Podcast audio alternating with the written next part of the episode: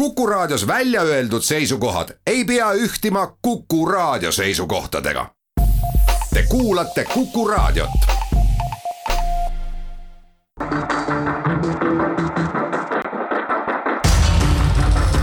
muuli ja Aavik.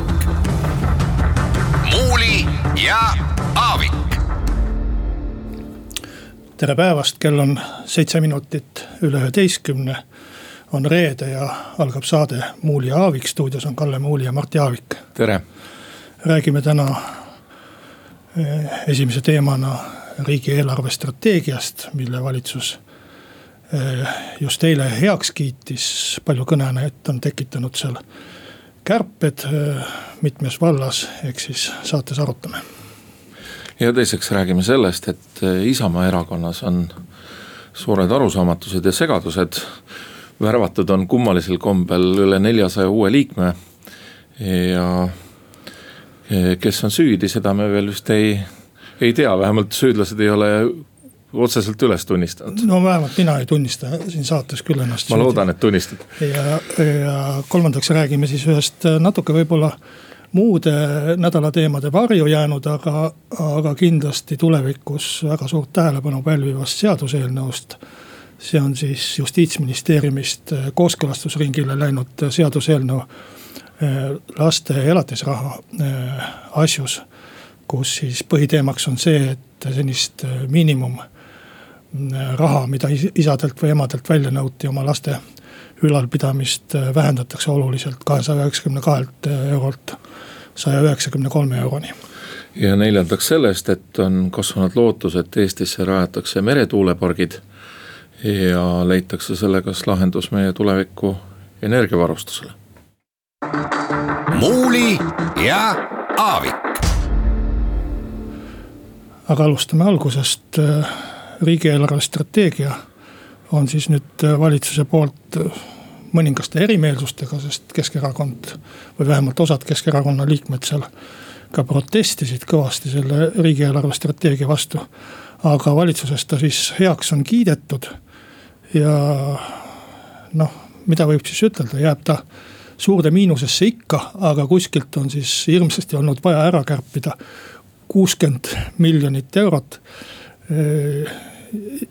ja, ja kummalisel kombel on siis Äh, need kärped äh, tehtud sellistest kohtadest, mis mulle isiklikult on. Ja võib-olla on see ka minu maailmavaate tõttu ideoloogiliselt on kõige sellised vastuvõetamatud kohad, et põhimõtteliselt ma arvan, et. et riigieelarvet kindlasti peaks mingitest kohtadest kärpima ja ka eelarvestrateegias seda ette nägema. ja võib-olla peaks isegi ulatuslikumalt seda tegema, kui on tehtud ma pigem kaldun sinnapoole, mida on väljendanud eelarvenõukogu esimees Raul Eamets, et äh, võiks need kärped kuskil seal kahesaja euro kandis olla. aga, aga, aga või kahesaja miljoni euro kandis, jah, vabandust. et aga äh, lihtsalt see koht, kust kärbitakse, on, on mulle kui Isamaa erakonna liikmele kõige vastumeelsemad. see on siis lapsed, laste huviringide raha Äh, ja, ja riigikaitse, mis on olnud meie erakonna prioriteet mõistetavatel põhjustel, meie ajaloolistel põhjustel juba. ja meie geopoliitilistel põhjustel ja meie naabrite, naabri tõttu. et äh, minna selle kallale tundub mulle küll täiesti absurdne no mul on kahju, et sa niisugust juttu räägid, sellepärast et tuleb välja, et me oleme tunded, eelarvetunnete tasandil üsna ühte meelt järelikult. et ma lootsin, et sa esindad seda seisukohta, et tuleks võtta veel ja veel laenu ja ja kulutada hoopis hoogsamalt, nagu on meile siin rääkinud EKRE, kes väidab, et nad on parempoolne erakond. Eh, selles osas ma võin sinuga isegi vaielda, ma olen laenu võtmise poolt, aga ma räägin, kui ma kärbetest räägin, siis mingites kohtades tuleb kärpida ja eelkõige ma pean silmas ikkagi seda et äh, see põhjalik riigireform, mida on siin arutatud ja, ja nämmutatud ja, ja veeretatud ja, ja igatepidi tehtud juba mitme valitsuse ajal. et äh, saab kriis läbi, me võiks sellega nüüd tegeleda. On riigi valitsemises kohti küll ja küll, kust saaks kokku võtta, aga sealt ei võeta. samas ma arvan, et mitmesugusteks investeeringuteks majanduse väljaaitamiseks sellest kriisist võiks laenu võtta vabalt, et see meie laenukoormus ei ole midagi hirmsat. ja mõne aja pärast me ei saa seda laenu enam võtta, sellepärast et Euroopa Liit võib taastada oma eelarvereeglid. ja, ja see on praegu meil aken, kus me saaksime kasutada täiesti seaduslikult meile lubatud võimalusi selleks, et oma majandust ja ja, ja riiki edasi viia ja jalule aidata.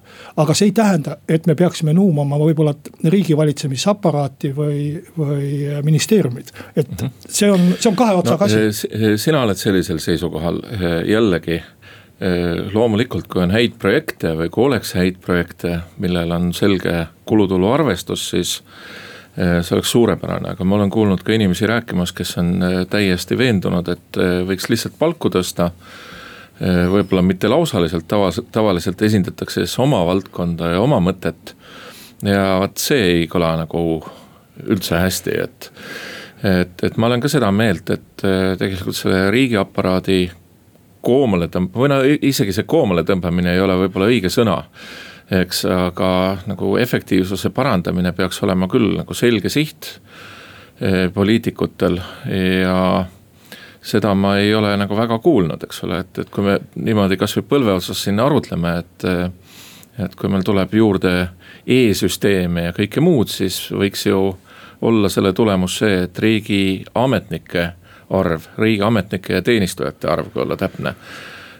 mõnevõrra väheneb, aga see tempo on olnud ikkagi üsna aeglane no see, et pole projekte või mis iganes ainuüksi kaherealistelt maanteedelt äh, võetakse tohutu summa ära, no võiks ju Tallinn-Tartu vahele ikkagi nagu normaalse sõidutee ehitada ja, ja mujale ka.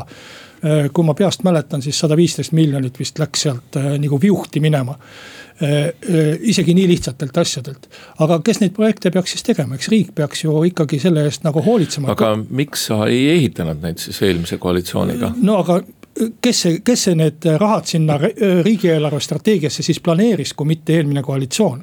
ja, ja eks ju ehitati ka, isegi Mäo-Võugu sai valmis. küsin siis teistpidi sinu käest, olgu, mina olen ka nõus äh, sellega, et, et äh, kaitsekulutusi võib-olla tuleks veel tõstagi võrreldes selle eelmise RES-iga. aga kust siis tuleks ära võtta? Äh, ütlesin, riigivalitsemiskulud on esimene asi, mille kallale tuleks minna. tuleks äh, vaadata läbi kogu meie riigivalitsemisstruktuur, kaasa arvatud äh, kõik ministeeriumid ja sealt allapoole. et kui, ma, ma toon ühe näite. lastelt, laste huviringidelt valitsus võtab ära seitse miljonit. noh, sisuliselt katuseraha summa, mis riigikogu jagab või natukene rohkem seitse miljonit eurot. no nad on öelnud oma eh, selle sammu kaitseks seda, et see on eh, laste huviringide toetamine on omavalitsuste kohustus ja omavalitsuste rahastamine on selleks piisav. laste huviringide toetamine on meie riigi ja rahva kohustus e, siin veeretada, et ühe valitsuse pealt teise peale ja, ja see on lihtsalt demagoogia, ma kuulasin eile ka.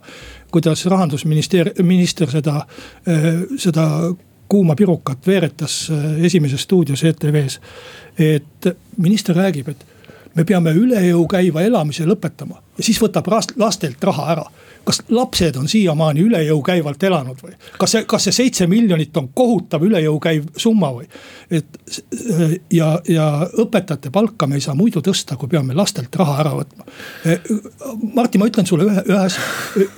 ütle, mitu inimest töötab haridus- ja noorteametis, mis äsja moodustati, ütle, palju sa pakud?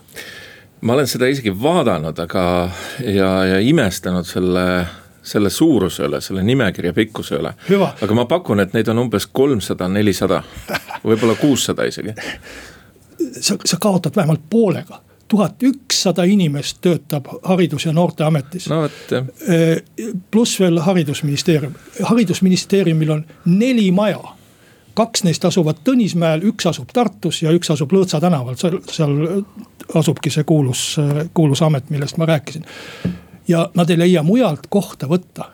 Liina Kersna, kes minu meelest on täiesti mõistlik inimene ja kes eh, valimiskampaania ajal avaldas Võru lehes eh, reklaame et äh, seisan laste huvihariduse eest. sa oled nii hoos, et ma lihtsalt äh, pean, tunnen äh, vajadust asuda nõrgema poole ja küsin jälle, et. aga miks te siis tegite selle tuhande ühesaja liikmelise hariduse ja noorteameti. sina, sinu koalitsioonipartner Keskerakond. seda, äh, seda liideti lihtsalt kokku ja need asjad, mis enne olid, aga. see oli ju suurepärane uue, uue ameti loomine, suurepärane võimalus struktuuri korrastada, suurepärane just, võimalus koosseisu korrastada. see amet tekkis sel talvel äh, ma arvan, et see tuhat ükssada inimest sinna tekkis kuskil jaanuarikuus või midagi sellist. võin natukene eksida, aga äh, et seda, seda saakski praegu hakata vaatama kes seal on üle ja kes, keda sealt saab maha võtta. aga me muidugi praegu natukene võib-olla takerdusime ühe väikse summa äh, külge. et teeks siinkohal hetkel reklaamipausi ja räägiks pärast seda edasi.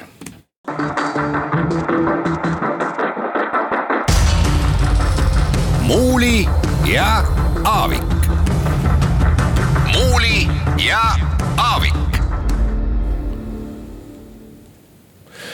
ja räägime edasi sellest riigieelarve strateegiast, no äh, iseenesest on ju nagu minu meelest nagu see suur küsimus on ikkagi see, et äh, heidetakse ette seda, et, äh, et käib niisugune ülemäärane kärpimine, noh summa summarum, siis see ei vasta ju kuidagi tõele või, või räägitakse mingisugusest dogmast et ei tohi laenu võtta, ei tohi eelarve olla miinuses, no kui palju neid aastaid on olnud tegelikult Eesti lähiajaloos, kus eelarve ei ole olnud miinuses, et need on olnud ikkagi üksikud buumiaastad.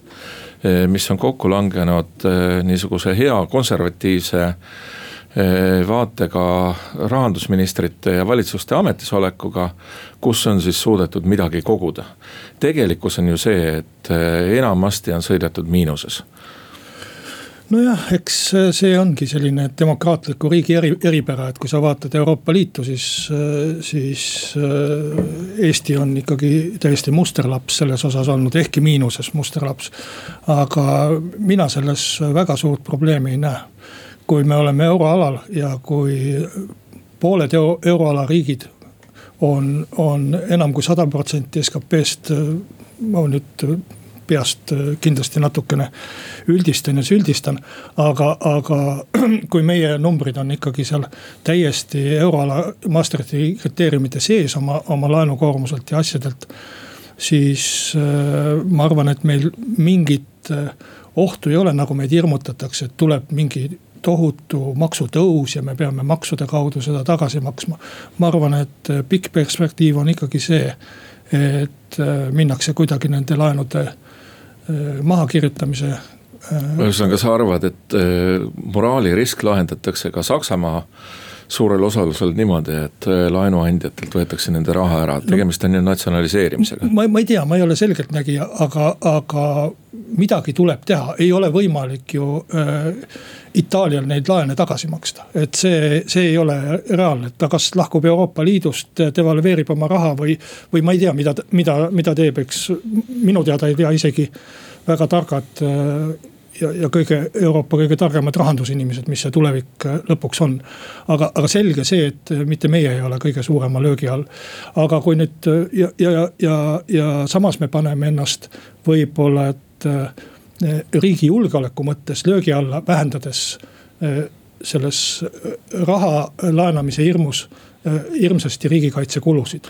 no ma meenutan seda, et eelmisel sügisel oli ju suur vaidlus teemal, et missugune peaks olema e, riigikaitsekulud ja, ja EKRE juhid Helmed siis ähvardasid lausa kahe, kahest protsendist alla jääva kulutasemega ja lõpuks vaidlesid välja mingisugused konkreetsed relvasüsteemid, millele ka sinu erakonnakaaslane Jüri Luik no ei plaksutanud selle, sellise sekkumise peale no,. et see on ju, see on ju see koht, mis on praegu võib-olla natukene löögi all. no ilmselt seal oli nii isiklikke põhjuseid kui ka, kui ka mingeid ametkondade vahelisi asju, kus mõnele EKRE liikmele võib-olla Jüri Luik kaitseministrina lihtsalt ei meeldinud ja siis püüti seal mingit kiusu ajada.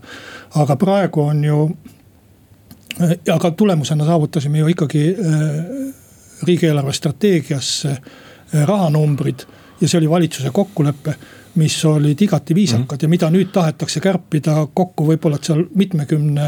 Äh, aga äh, okei okay., mina olen nõus, mina olen alati olnud selle poolt, et kaitsekulud peaksid olema suuremad ja, ja alati seisnud selle kahe protsendi eest ja nii edasi. aga ma nüüd küsin nagu põhimõtteliselt, et, et meie, mida siis kärbitakse üldse, kärbitakse unistusi võrreldes eelmise riigieelarve strateegiaga. no kui on sa, kui sa nimetad äh, riigieelarve strateegiat unistuseks, siis jah, seda kärbitakse, äh, kärbitakse riigieelarve strateegiat ehk eelmise valitsuse kokkulepet. kui olud muutuvad, muutub valitsuskoalitsioon, äh, siis mingisuguseid vähemalt kosmeetilisi muutusi nad peavad saama teha, eks ole, sest see oli ju ka argument eelmisel valitsuskoalitsioonil, kus väga selgelt pareeriti igasuguseid opositsiooni siis toona sotsiaaldemokraatide ja Reformierakonna jutte, et vaat, meil on ka õigus teha, ellu viia oma poliitikat, sama ju kehtib teistpidi ka. loomulikult, ega mina ei räägi, et nad eh, mingit seadust rikuksid, ega ma ei räägi, et nad teeksid midagi, mis on keelatud. Nad äh, tegutsevad loomulikult juriidilistes piirides, aga mina ütlen, et see on põhimõtteliselt vale, mida nad teevad. ja, aga samas ma mõistan, et see on ajalooline järjepidevus, et äh, juba kolmekümne kolmandal aastal Pätsi valitsus kärpis riigikaitsekulusid kakskümmend viis protsenti, arvates, et sõda ei tule. ja, ja seda ta arvas kuni kolmekümne üheksanda ja neljakümnenda aastani välja ja tõesti, sõda ei tulnudki, sest meie riigikaitse oli nii kehv, et me andsime ilma ühegi pauguta alla. no see, mis mina sealt riigi, sellest strateegiast välja loen, on küll see, et et kahe protsendi piir ja ülegi sellest, selle strateegia järgi jääb kehtima, lisaks sellele liitlaste vastuvõtmise kulud. see on napilt kaks koma null kaks vist oli see number mis.... ja mulle see ei meeldi, aga millega siis tegu on, eks ole, et kas, kas on põhjust paanikaks või ei ole et muidugi häda on see, et äh, neid äh, kahe protsendi reegli täitmist arvestatakse nii palju, kui mina aru saan, et ma olen ikka püüdnud jälgida äh, kogu aeg ka seda NATO arvestust et, et kahe protsendi reegli täitmist vaadatakse ikkagi tegeliku tulemuse järgi. takkajärgi ja kui sa planeerid selle kaitsekulutused oma eelarves väga eh, napilt või täpselt sinna kahe protsendi piiri peale, siis. ja majandus kasvab kiiremini, siis sa lõpuks ei saa seda kätte lihtsalt. ühest kärpest räägiks veel siin enne, kui meil kaks viimast minutit otsa saavad, kodulaenude tulumaksuvabastus kaotatakse ära. see puudutab eh, kuuldavasti sada neljakümmet tuhandet eh, inimest, kes neid kodulaenu intresse maksavad ja saavad praegu tulumaksuvabastused. vahel mulle tundub, et äh, seadusi tehakse täpselt minu järgi. et ma peaksin olema õnnelik ja ilmselt valima Reformierakonda või Keskerakonda. et äh, siis, kui mina saan sellisesse ikka, et mul on kodulaen makstud kaotatakse sealt tulumaksuvabastus ära ja hakatakse pensioni väga hoogsalt tõstma erakorraliselt ja mitte erakorraliselt ja. ja, ja muul viisil, nii et mina olen väga õnnelik, aga ma tegelikult tahaks, et seadusi tehakse mitte minu järgi, vaid minu laste järgi. loomulikult peab kogu ühiskonna järgi tegema, aga, aga me võiksime vaadata ikka rohkem tulevikku, mitte, mitte minevikku ja, ja selles mõttes on see päris imelik kärbe nojah, et hetkel muidugi on nii, et eh, intressitasemed on madalad ja selle mõju üksiku, üksikinimeste pere-eelarvetele on ju väike. umbes kolmsada eurot vist aastas jah. Eh, või noh, suhteliselt väike, eks ole, talutaval, talutavates piirides, aga noh, põhimõtteline küsimus on ilmselt see, et eh, mida siis tahetakse stimuleerida, et, et seda võib ka vaadata nii, et et eh, see on mõnes mõttes nagu riigi toetus, mille saavad kätte siis ikkagi paremal järjel ja jõukamad inimesed või noh, ütleme keskklass. Eh, kes üldse saavad kodulaenu võtta, et, et siin on nagu selline nihuke maksufilosoofiline teema ka minu meelest juures. no ei tea, kas see, nii on, võib-olla, et jõukamad inimesed ostavad tänapäeval korterid ja kinnisvara lihtsalt pangaarvest või. no räägime siis keskklassist või ütleme. jah, aga, aga pare,. paremal järjel palgateenijatest. ma arvan ka, et ta praegu ei ole võib-olla selline elu ja surma küsimus. aga ta kindlasti teeb noorte inimeste elu raskemaks ja, ja juhul, kui need intressid peaksid kunagi tõusma ma mäletan ikka väga kõrgeid intresse. siis, äh, siis on see kindlasti väga suur koormus. aga teeme siinkohal uudiste ja reklaamipausi, jätame, jätkame pärast seda.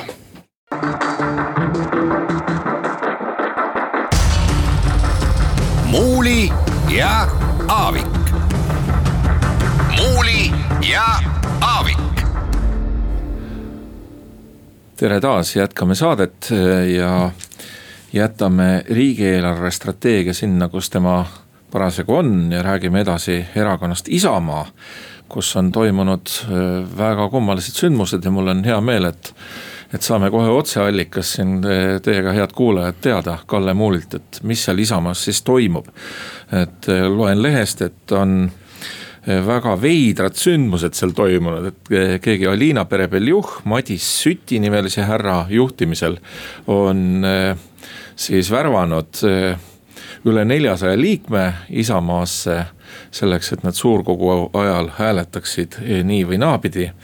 ja kuidagimoodi on siin asjasse seotud ka eh, Tartu piirkond ja selle esimees eh, Kaspar Kokk, kes küll meie leheski ütleb, et tema ei tea midagi ja, ja kavatseb Madis Sütiga rääkida. aga ühesõnaga on väga piinlik asi juhtunud ja kõik Isamaa erakonna juhid siis ütlevad, et nemad ei tea midagi ja olid eh, puu otsas, kui pauk käis. kus sina, Kalle, olid, kui Alina Perebeljuh värbas inimesi raha eest Isamaaga liituma, et nad hääletaksid ma ei tea, kelle poolt siis. no vaata mulle hästi teraselt nüüd otsa, ütle, kas ma näen välja sellise inimesena, kes võiks jälgida Alina Perebeljuhi mingit Youtube'i kanalit no ma ei tea et äh, põhimõtteliselt, eks ju. olen, olen varemgi eksinud, arvates, et äh, tegemist on korralike inimestega.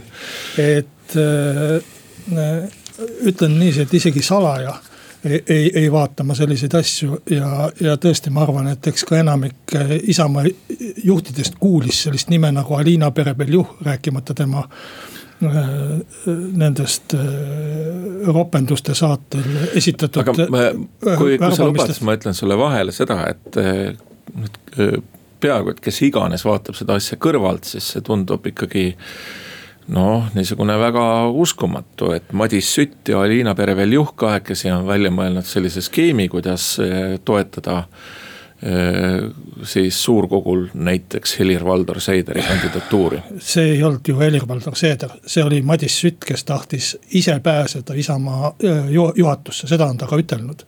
ja täpselt samasuguse kampaania tegi ta ju, ta oli enne ju Rahva Tahte sellise erakonna, mille olemasolust ka ma õieti ei teadnud juht ja, ja eks ta tegi samasuguse kampaania ka endale erakonna moodustamiseks. ja tegelikult see on veider, vaata, kui mõnda inimest petetakse, siis tavaliselt ikkagi mõistetakse hukka ju pettur, mitte see ohver aga see aktsioon ju oli selgelt suunatud Isamaa praeguste juhtide vastu, Isamaa eestseisuse vastu. see Madis Sütt tahtis selle, mis ta iganes nimi oli, Alina Perebeljuhi äh, abiga ja võib-olla tal oli veel teisi abilisi, taevas teab äh,. selle abiga osta endale sisuliselt kohta Isamaa juhtkonnas, tuua erakonda äh, mis see summa oli seal saja euro eest või kümne euro eest. Eh, inimesi, kes siis erakonna suurkogul hääletaksid selles Madis Süti poolt ja, ja siis ta saaks oma hääled ja pääseks Isamaa juhtkonda. see on ju Isamaa juhtkonna vastane tegevus. keegi eestseisusest kaotab ju oma koha siis, kui see Madis Sütt saab oma hääled ostetud. nii et ma arvan, et siin tuleks need rõhuasetused õigesse paika panna, mida tuleks kindlasti uurida, on see, et kui palju Tartu piirkond sellest teadis. kui palju Tartu piirkonna juht sellest teadis ja kui palju see Tartu piirkonna juhatus oli sellega seotud. seda tuleks kindlasti uurida, aga seda on väga raske niiviisi Tallinnast ja raadio teel hakata otsustama, kindlasti kasutati selles pettuse aktsioonis ära ka seda, et on koroona olukord. kui sa ütled, et siin on neljasaja inimese avaldused ja need on tõesti inimeste enda poolt allkirjastatud ja tehtud siis juhatusel ei ole võimalik praeguses koroona olukorras neljasaja inimesega kohtuda, see oleks absurd. ja eks selle tõttu ta kindlasti li, li, libedamalt läbi läks. aga selge see, et äh, juhul, kui nüüd ikkagi selgub, et äh, või noh, suudetakse kindlaks teha need inimesed, kes on konkreetselt selle raha äh, pärast tulnud, et need tuleb kõik erakonda jätta vastu võtmata ja välja heita, et seal ei ole nagu mingit, mingit küsimust, et Mm -hmm. et äh, pigem, pigem on seal raske vahet teha, et võib-olla mõni üksik tõesti tahab tulla normaalselt. Teie erakonnas on ju äh, segadust küll ja veel, eks ole, et muidugi saab öelda, et äh, tegemist on koroona olukorraga, aga, aga juhatuse volitusi on siis pikendatud aasta võrra mis on nagu omaette küsimus, aga jätame selle kõrvale, aga tuleb välja, et Isamaa juhtkond on unustanud teised erakonna juhtimisel tähtsad institutsioonid nagu aukohus ja revisjonikomisjon. et noh, kuidas te siis välja viskate neid inimesi, kui teil aukohus ei tööta või, või kes hakkab arutama näiteks Madis Süti tegevust või? no e-, hetkel see. volitused ju lõpevad üheteistkümnendal mail, tehakse kiirmenetlus. üheteistkümnendal mail küll, aga praegu ei ole veel üheteistkümnes mai ja sinna on kaks nädalat aega. et eh, eks siis näeb, mis sellest saab, aga noh erakonnad ju ei ole äh, loodud selle jaoks, et koroona ajal endal suurkogusid teha. ja, ja tõesti, me oleme raskes olukorras, täpselt sama raskes kui sotsiaaldemokraadid, kes on, kes on pidanud ka edasi lükkama oma üritusi. Äh, aga ettekujutus, et Isamaa praegusel juhtkonnal on jube huvi seda edasi lükata, on täiesti vale, tegelikult ja, ja ma olen ajakirjandusest ka lugenud, et äh, Seeder tahab kuhugi lükata, Seeder tahab lükata. sunnitud lükka, lükkama, tegelikult ju tahaks erakonna esimees ja erakonna juhtkond seda, et saaks selle suurkogu võimalikult varakult peetud, et see ei jääks valimiste selga. et saaks äh, selle probleemi lahendatud ja hakata valimisteks -hmm. valmistuma e,. E, aga no,. võib-olla erinevus sotsiaaldemokraatidega on ikkagi see, et Teil on nagu väljakutsuv rühm parempoolsed erakonna sees, kes ju ka tahaks proovile panna oma ideid ja oma kandidaate. kes see täpselt nüüd seal on, eks ole, et eks me peame ju oletama siin. et võib-olla on see Lavly Perling siis, kes, keda tahetaks esitada Isamaa esimehe kohale. aga see on ju see nagu olukord on mõnevõrra erinev, et ma saan aru, et sotsiaaldemokraatides on ka soov esimeest vahetada. aga see ei ole nii selgelt avalikkuse ees ja. ja, ja olukord, olukord on erinev, aga, aga ikkagi erakonna juhtkond ju tahaks selle olukorra lahendada. keegi ei taha minna valimistele vastu nii, et äh, kogu aeg on õhus see, et äkki vale mees juhib e-, erakonda et selles mõttes tahaks kindlasti ka erakonna praegune juhtkond kiiresti neid valimisi ära vii- äh,, läbi viia ja ma arvan, et kui Äh, valitsus äh, võtab vastu äh, sellised reeglid koroona asjus, mis võimaldaksid koguneda noh, umbes tuhandel inimesel maksimaalselt. tavaliselt suurkogul üle selle ei ole inimesi olnud et siis ka see suurkogu viiakse läbi ja see oleks tervele Isamaa erakonnale ja ka praegusele juhtkonnale kasulik, kui saaks selle asja üheselt ära lahendatud, ära hääletatud ja, ja läheks edasi. et see ettekujutus, et edasi lükatakse sellepärast, et kardetakse oma koha pärast, see on täiesti minu meelest vale ettekujutus. et vastupidi, et see koht kukub siis, kui see olukord sel viisil jätkub, et, et me läheme valimistele vastu ka nii, et ei ole seda hääletust toimunud ja, ja esimehe valimisi toimunud. kas siis on võimalus, et, et vaatamata sellele volituste pikendamisele siin suve alguses toimub ikkagi mõni suurkogu koguneb see tuhat inimest ja e, valitakse uus esimees või siis saab Helir-Valdor Seeder enda mandaadile kinnituse? mina väidan seda, et kui e, koroonareeglid lubavad viia suurkogu läbi e, hiljemalt juulikuu lõpuks, siis see suurkogu ka läbi viiakse, et selles ei ole mul küll vähimatki kahtlust. aga teeme siinkohal ühe reklaamipausi ja jätkame siis järgmise teemaga.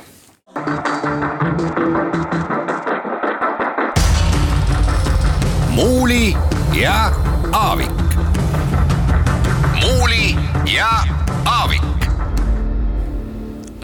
jätkame saadet Mart Jaavik ja Kalle Muuli, räägime elatusraha seaduse eelnõust, mille justiitsministeerium lõppeval nädalal äh, kooskõlastusringile saatis. Äh, ja põhisündmus siis või põhimuudatus äh, on seal või kõige lihtsamalt väljendatav muudatus on siis see, et tahetakse vähendada äh, elatisraha miinimumsummat, mis siiamaani on olnud pool alampalgast, kakssada üheksakümmend kaks eurot hetkel. Ja tahetakse siis alandada seda niiviisi, et baassumma või, või see uus miinimum oleks sada üheksakümmend kolm eurot. ja lisaks muudetakse siis süsteemi palju-palju paindlikumaks Äh, tehakse kord, kus siis kohus saaks arvestada erinevaid asju, laste arvu peres, äh, kelle juures laps elab ja, ja, ja muid selliseid asju antakse selline äh, juhendmaterjal nii-öelda kaasa. et noh, mis sa siis Martti arvad? võimalik isa sellisest, sellisest eelnõust nojah, et ma pean kohe alguses ütlema deklaratiivselt, et ma eriti ei tunne selliseid inimesi, kes oleks oma laste elatisraha pärast kuidagi tülis või, või vähemalt ei ole keegi mulle isiklikult väga kurtnud, nii et minu teadmised põhinevad ütleme meediast kuuldud lugudel ja selle eelnõu seletuskirjal ja seletustel, mis on selle kohta antud ja ma saan aru seda, et.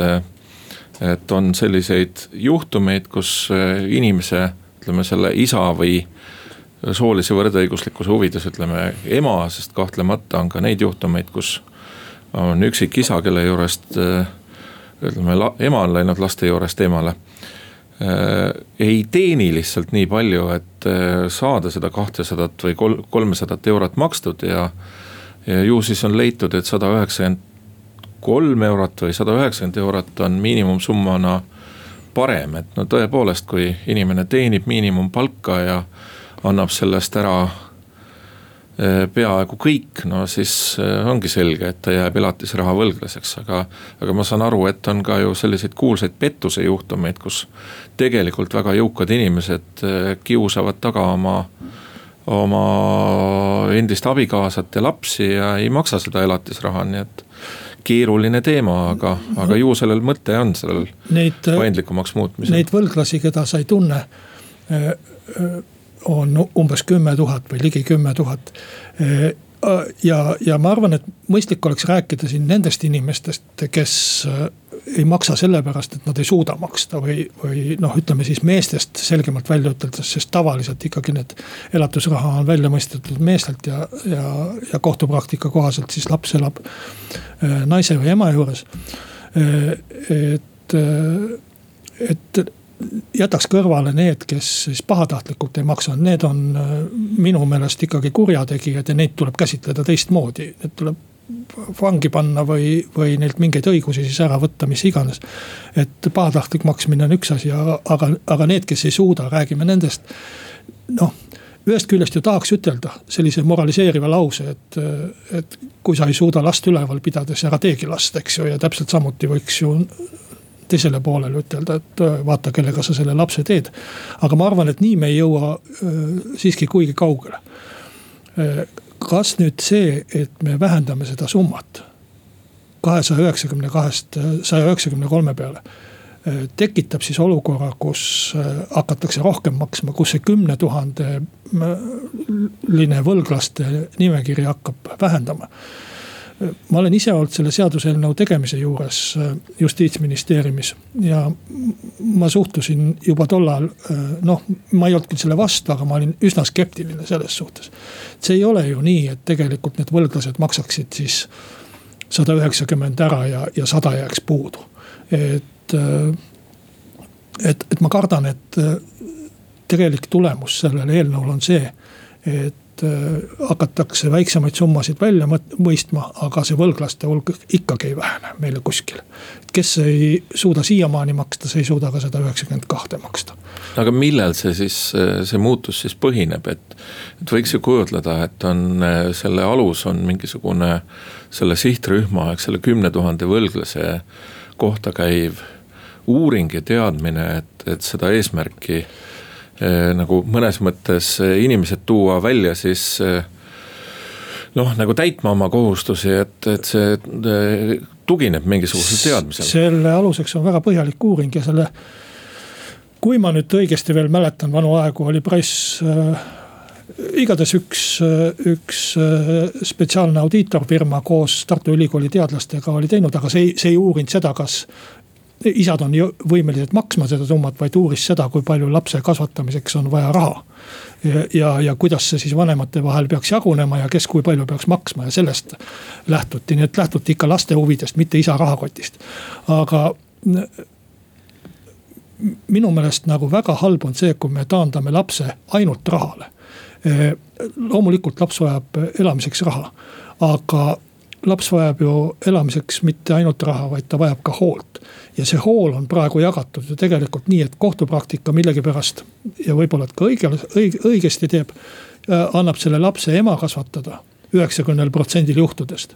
ja seda hoolt peab andma sellele lapsele ema, ta peab vaatama, et laps hommikul üles tõuseks, et tal kõht täis oleks.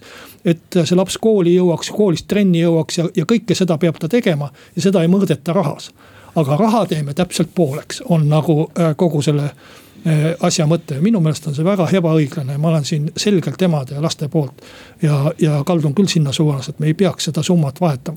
et selle rahaga tuleks kinni maksta või vähemalt osaliselt kinni maksta ka see ema hool, mida eh, ema peab lapsele andma. ja eriti hull on see, et nüüd viimase täiendusena on justiitsministeerium sinna lisanud sätte, mille kohaselt automaatselt vähendatakse siiamaani välja mõistetud miinimum elatist. et kui siiamaani oli mõistetud kakssada üheksakümmend kaks välja, siis automaatselt esimesest jaanuarist kaks tuhat kakskümmend kaks vist oli see äh, kukub äh, see raha saja üheksakümne kolme peale. see tähendab, et tohutu hulk lapsi hakkab järgmisest aastast saama sada eurot iga kuu vähe, vähem. no ma ütleks, et võrreldes huvihariduse raha äravõtmisega, mida äh, plaanib haridusministeerium ja, ja valitsus, on see ikka äh, noh mitu korda suurem pauk ta siis on. et ma arvan, et see on väga halb plaan. aga võtame siis äh, viimase teema, milleks ma ei tea, kas on parem plaan või, või kuidas sulle tundub, Martti, aga äh, Eesti Energia ja siis üks väga suur Taani tuuleparkide rajaja Ørsted on äh, allkirjastanud koostööleppe Liivi lahte tohutu suure meretuulepargi ehitamiseks, see isegi on rahvusvaheline mere, meretuulepark, mitte ainult äh, taanlased osalevad, vaid äh, ta ulatub ka Läti territooriumile või, või tahetakse siis rajada nii, et ta oleks seal kuskil heinaste joonel. oleks osa Läti poolel ja osa Eesti poolel. Äh, aastaarvuks nimetatakse kaks tuhat kolmkümmend, millal, millal ta siis hiljemalt peaks valmis olema või enne seda? enne seda vist jah, on praegu öeldud, aga ma arvan, et see on puhtstrateegiliselt on see väga-väga hea plaan, et äh, mida või noh, ütleme, kui me fantaseerime nüüd, äh, aga siiski jalad maas, et missugune võiks olla siis see tulevane energiaportfell, siis äh, selge on see, et, et rohel-, rohelisemaks minemisest me ei pääse. ja teine asi on see, et oleks ka suurepärane, kui suudetakse nendest meretuuleparkidest eh, siis salvestada seda toodetavat energiat, sest probleem on ju see, et tuul ei puhu alati ühtviisi. ja kipubki meil olema külva, külmad sellised talveööd, kus energiat on tohutult palju vaja. aga tuul ei puhu, siis salvestamine on ütleme A ja O. Eh, ja kui suudetaks toota ka vesinikku nendes eh, tuuleparkides, siis see võiks tähendada seda, et me oleme mingil hetkel täiesti energiasõltumatud ja saame oma transpordisektori ka viia sellele põhimõtteliselt roheenergiale üle. muidugi on seal ja pluss veel lisaks selle ka juurde, et, et kui me võrdleme avamere tuuleparke, kas kuskil seal äh, no ütleme Läänemere mõttes avamere pool või Liivi lahes, siis Liivi laht on ikkagi Eesti ja Läti sisemeri sisuliselt. sa pead tulema kura kurgust läbi ja sõitma päris pikalt laevaga selleks, et sinna heinaste joonele saada.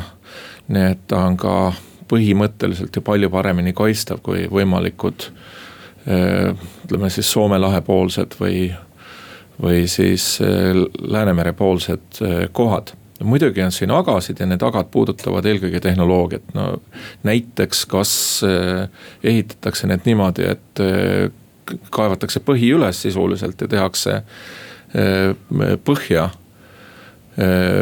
need vundamendid või siis äh, tehakse, ütleme ankurdatud platvormidele ja nii edasi, nii et need looduskaitselised asjad on siin kindlasti ka olemas. no ma arvan, et äh, mulle endale tundub ka, et kui neid tuuleparke rajada, siis merel oleks neil vast rohkem kohta kui maal seal nad kellegi elamist otseselt ju oma müraga ei häiri, aga, aga mulle tundub ka, et me näeme veel tükk aega seda, kuidas rohelised hakkavad võit-, võitlema tuulepargi vastu, ehk siis äh, väga rohelise energia vastu.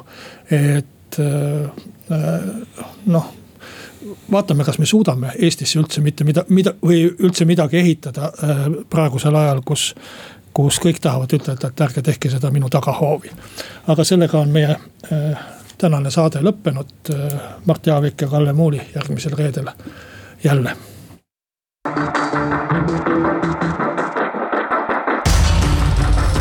Muuli ja Aavik. muuli ja